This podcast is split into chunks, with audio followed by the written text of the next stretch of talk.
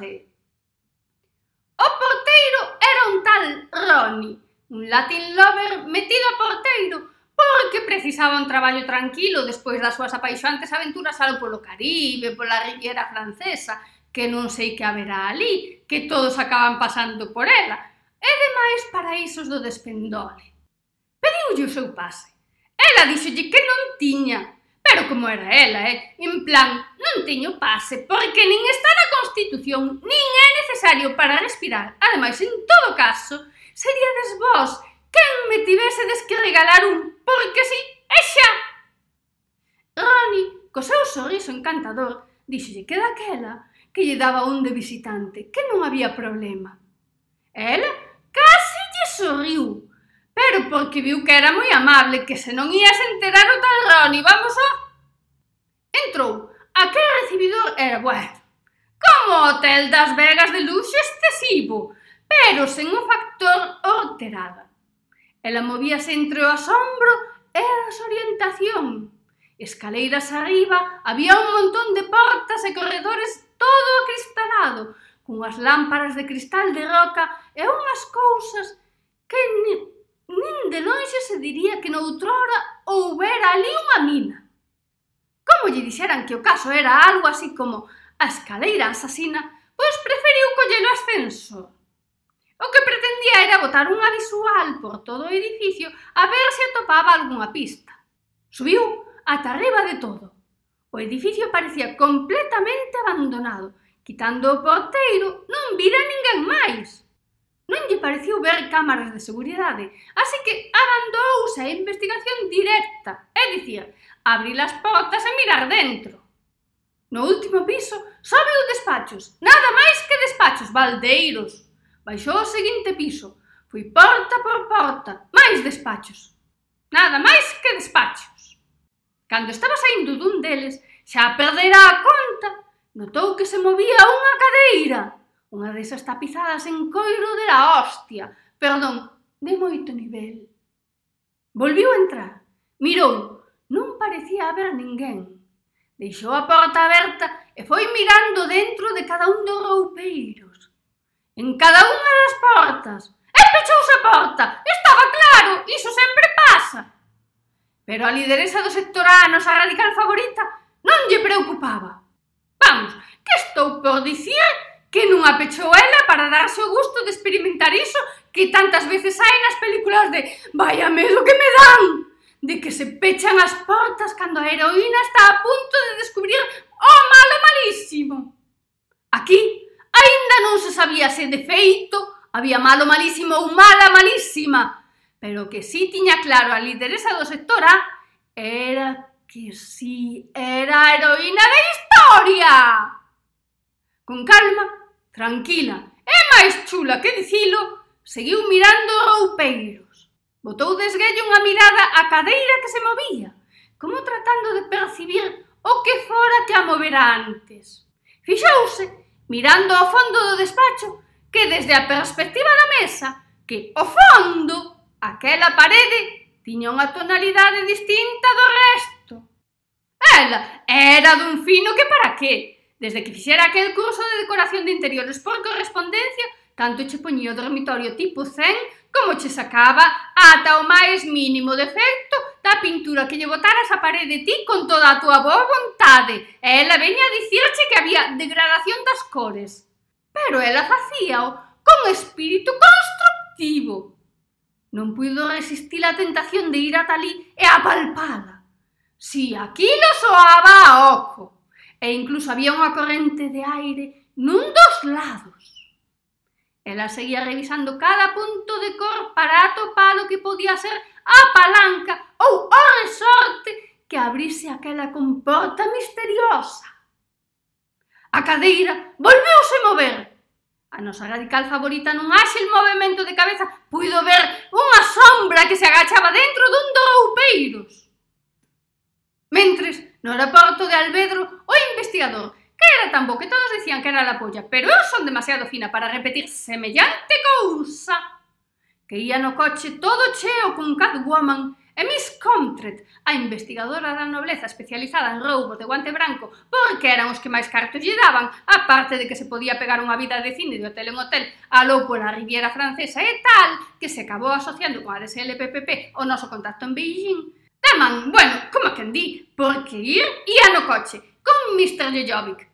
Pois iso, que esta banda por fin atopara aparcamento, invadindo o aparcamento dos autobuses, porque era o único sitio onde poideron aparcar os dous coches a un tempo e non tiveron que pelexarse por quen daba a vez, porque según uns e outros, todos chegaron primeiro.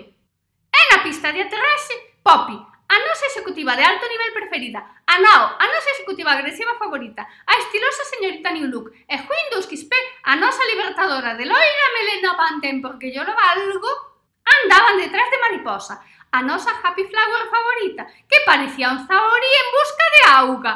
Ela seguía o seu presentimento.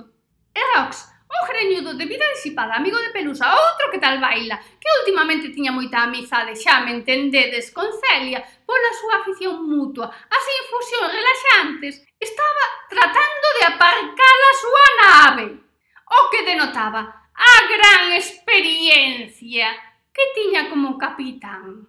Pola miña parte, estaba dialogando co detective super segredo do CSI, A conversa que comezara polo daquela famosa carpeta que lle sacara das mans literalmente a Clio, sí, sí, ese Clio ese, pero como había tan bo rollo e aquel peinado tipo comic manga poñíame, pois a cousa derivou noutros temas. Invisible que me seguía, porque non se fiaba de min, non sei por qué. Puxose dos nervios e decidiu que se non nos tiña cando nos precisaba, que non lle facíamos falta para nada. Marchou e púxose mans á obra na laboriosa misión de desenmascarar o malvado doutor TCPIP. Naquela carpeta, o que aparecía era un estudio moi detallado que fixera o malvado doutor TCPIP sobre a invisibilidade da susodita invisible. O malvado malvadísimo doutor TCPIP descubrira que invisible non nacera invisible, senón que se volvera invisible despois dunha noite distraída. Unha enchenta de alcohol, unha enchenta de vicio. Non vou especificar máis porque son moi fina, pero xa me entendedes. Unha enchenta que para qué? Todo isto en combinación con que había lúa chea, a marea estaba alta, a Santa Compaña ia camiño de San Andrés de Teixido porque non foran de vivas, que Marte estaba chegando a Venus e que comera dous iogures caducados, Porque só había dous días que caducaran e non pasa nada. Claro. Despois a que ten fama de tacaña son eu, claro. O malvado malvadísimo doutor TCPIP non chegara a estas conclusións por casualidade, como se soe dicir, o talento non se improvisa. Todo comezou con aquela aposta injustamente, según el, perdida con invisible sobre o de ler do revés e boca abaixo os episodios nacionais ou as novelas exemplares ou calquera perversión similar. O amor platónico que o malvado malvadísimo doutor TCPIP sentía por cor levarao a cuestionar aquela amizade sincera e cordial que sentía por invisible. Sasa xa estaba preocupada porque había varias horas que non sabía despistrín e non era normal, Non saber nada del, quero dicir. Celia estaba máis colgada que nunca, pese a que o investigador que era tan bo que todos dicían que era la polla, pero son demasiado fina para repetir semellante cousa. Que dicía que deixase as infusións relaxantes destas que tomaba ela, ou isto dicía yo en broma, porque o investigador nunca faría tal, que as compartise. E por iso, pese a todo, estaba moi preocupada por Crawford, que seguía perdida, aló por sabe Deus onde, tratando de resolver o caso da escaleira asasina. Estaba chorando a CPSA, que ultimamente resistía ata o reinicio máis brutal como unha campiona, tratando de non sentirse tan culpable por non dar a voz de alarma a tempo. CPSA dicíalle que a lideresa do sector A era moi competente e estaba perfectamente cualificada para enfrontarse a calquera misterio. Aquilo pareciu tranquilizala. Sí, sí, aínda máis, porque era posible estar máis tranquila. Como se dun telegrama telepático se tratase, a lideresa do sector A sentiu o impulso de resolver o caso canto antes. Achegouse decidida e mirou detrás do roupeiro onde se agachara a sombra. Por ali non cabía ningún alma, pensou pero estaba segura de que vira como unha sombra e ela pensaba que algo máis se agachara ali detrás. Non lle fixo falta matarse moito. En canto apoiou a man na estantería, xa se moviu. Conforme fui abrindo, íanse perfilando dúas figuras. Humanas, sí, parecía que eran humanas. Non parecían inimigas, porque non lle saltaron a cara nin nada. Só estaban ali como agardando non ser vistas. Era unha figura feminina e outra masculina. Isto non quere dicir nada. Podían estar perfectamente facendo guarrerías aínda sendo dúas figuras do mesmo sexo. A algún xa lle está subindo a febre preguntándose se este non será o capítulo 69, mal pensados. Sí, mal pensados, non mal pensadas. Coñecéranse nunha festa de fin de ano da Cisco Company. Invisible traballaba ali como analista de sistemas, que non sei o que é, pero ten unha pinta de interesante. El, que era amigo de Cisco, estaba ali de casualidade, claro, como esas mises que din que van acompañando a unha amiga e que se elixiron a elas por casualidade. Claro, en realidade non, obviamente, había tempo que sabía que con o seu amor platónico desde a máis tenra mocidade traballaba ali nos laboratorios da Cisco Company. En realidade sabía o porque lle soplara Cisco, que os homes son dun cotilla que non fai falta nin dicilo. Varias veces tratara de facerse o encontradizo para que non quedase moi descarado que andaba detrás dela, pero Cor, que era unha científica eminente, éramos moi despistada, lóxicamente. Xa todos sabemos como é o despistado doutor Cixel 650, pois esta pouco máis ou menos. E nin se decataba da súa presencia, nin sequera aquel día que finxiu desmaiarse por unha intoxicación grave. Era o seu, tratando de buscar a fórmula que permitise sacar pementos de padrón que non picasen de sementes que daban pementos que se picaban, que como todas sabemos, son as que máis abundan e polo tanto as máis baratas e polo tanto as máis interesantes para a Cisco Company, que a fama de tacaña teño a eu, pero a todo hai quen dea. E como as súas estrategias non funcionaran, e o pobre Cisco xa estaba algo farto de aguantarlle as súas neuras, pois convenciuno. Tampouco se tivo que empregar a fondo, porque en canto malvado o TCPIP escoitou a idea, aceptou. Foi mercar o mellor traxe do mercado, foi a perruquería máis fashion da Coruña. E preguntaredes vos, cal era esa idea? Pois a de ir á festa de fin de ano que se celebra todos os anos na azotea cristalada do edificio da Cisco Company, porque Cor era moi despistada, moi científica e o que queirades, pero as festas gustábanlle cousa fina. Sasser xa non sabía se chamar a policía, aos bombeiros ou aos geos. Mentre rebuscaba na axenda, caiulle a tarxeta de dinámico. O dono de Bollicaos Line metido a investigador por atopar a mariposa. Estas cousas do compañeirismo xa me entendedes. E aínda que a impresión que tivera del non fora moi boa, porque a verdade, comportárase como un aborrico prepotente, e que conste que o digo sin malicia ninguna. Pareciolle moi bo investigador, porque facía unha de preguntas Ademais, tamén conxeniou moi ben con Spistrin e igual andaban os dous de carallada, que esta Sasser era máis mal pensada. Windows desistira de agarrar a mariposa para evitar que deambulase por todas as pistas de aterraxe de Albedro, correndo o gran risco de morrer aplastada por unha nave. Se todos manexaban con marrós, pensaba Windows. Pero como a forza que movía a mariposa era máis forte que todas as nosas heroínas xuntas deixaron a ir. Windows seguía a cá vista, alertou as compañeiras cando viu que se metía dentro dun hangar con pinta sinistra. Todas, e digo todas, desde a estilosa señorita Newlook a Anao desde Poppy a Windows, comezaron a correr naquela dirección. O investigador viu nas correr desde a terminal e alarmouse. Tanto el como Catwoman comezaron a correr cara ao exterior.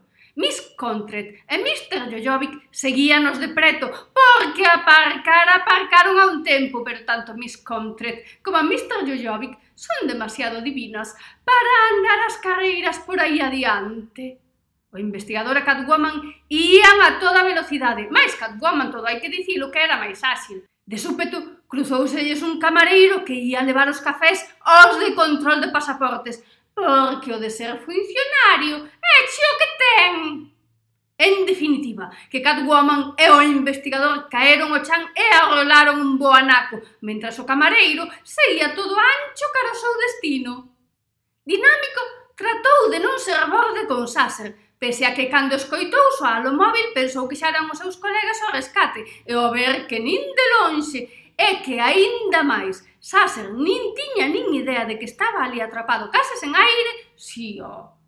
Díxolle, o máis amablemente posible, que deixase de preocuparse polo seu xefe, que Spistrin xa era grandiño e que andaría por aí con calquera candonga. Que sí, que yo dixo así, que eu son fina, pero a fidelidade histórica é vos así. Díxolle tamén que fose o antes posible a Albedro a rescatalo, que estaba afogando dentro dun trailer de Zara, e colgou. Sasser tratou de imaginar a escena. Un trailer de Zara, todo cheo de auga e dinámico, co seu traxe de marca Bollicao Exclusive, tratando desesperadamente de manterse a flote, aínda que non lembraba escoitar son de auga. Que misterio misterioso que diría Dulce María. Chamou a convertible. Non vos enganedes que non é un kit descapotable. Era un dos conductores da empresa, que tiña moita facilidade para cambiar de uniforme. Tanto o mandabas a unha comunión cun autobús de crianzas pequenas como a unha festa de futbolistas, xa me entendedes. Outro metrosexual usual deses. Ainda que a min, sinceramente, parecer, parecíame un pirata son manías miñas. Díxolle que collera a limusín último modelo porque ela era a comercial da empresa toda divina e non podía sair por aí nun coche calquera. Ademais de que aquel era o coche máis rápido que tiñan. Claro, para presumir calquera excusa é boa. Naquela festa de fin de ano, Ai, que noite a daquel día! Soaba de fondo, porque contrataran a orquesta de Beatlecom e eh, o oh, home, des que deixar era andar con malas compañas, lembremos que era un daqueles amigos de Clio, sí, sí, ese Clio, ese, que andaban por aquel garito antro de Timofónica, fixérase case adicto aos Beatles. Foi con I Wanna Hold Your Hand que o malvado doutor TCPIP se decidiu a falar con Cor que estaba rodeada dun montón de plastas, según o malvado doutor de CPIP, claro, que parecían aburrila, e iso sí, para divertido de CPIP, porque tiña conversa para todo. Vamos, que podía facer feliz a cor cunha palabra. Presentíao. Estaban feitos un para a outra. E achegouse, e falou con ela, e houve borrollitos, sí, pero non tan bo, Porque a media cea yo busca a cor e tivo que ir ao laboratorio urxentemente e nada. Tece Peipe preguntábase que podía haber tan urxente na cría de pementos de padrón. Nunca o soubo, pese a que a fortuna de Cisco dependía diso. Invisible, o velo tan desolado achegouse a él. El pensou que era Cupido ou o espírito de ano novo. Prexizos aos que se ten que enfrontar a pobre invisible. Iso xunta o de que non pode lucir o modelito, claro, porque o de ser presumida e invisible é moi duro. Contoulle moitas cousas de cor, xa sabedes, é que tan tenro ver a un home namorado. Despois foron quedando as tres xuntas. Invisible invitaba a Cor tomar un café e TCPIP aparecía por ali.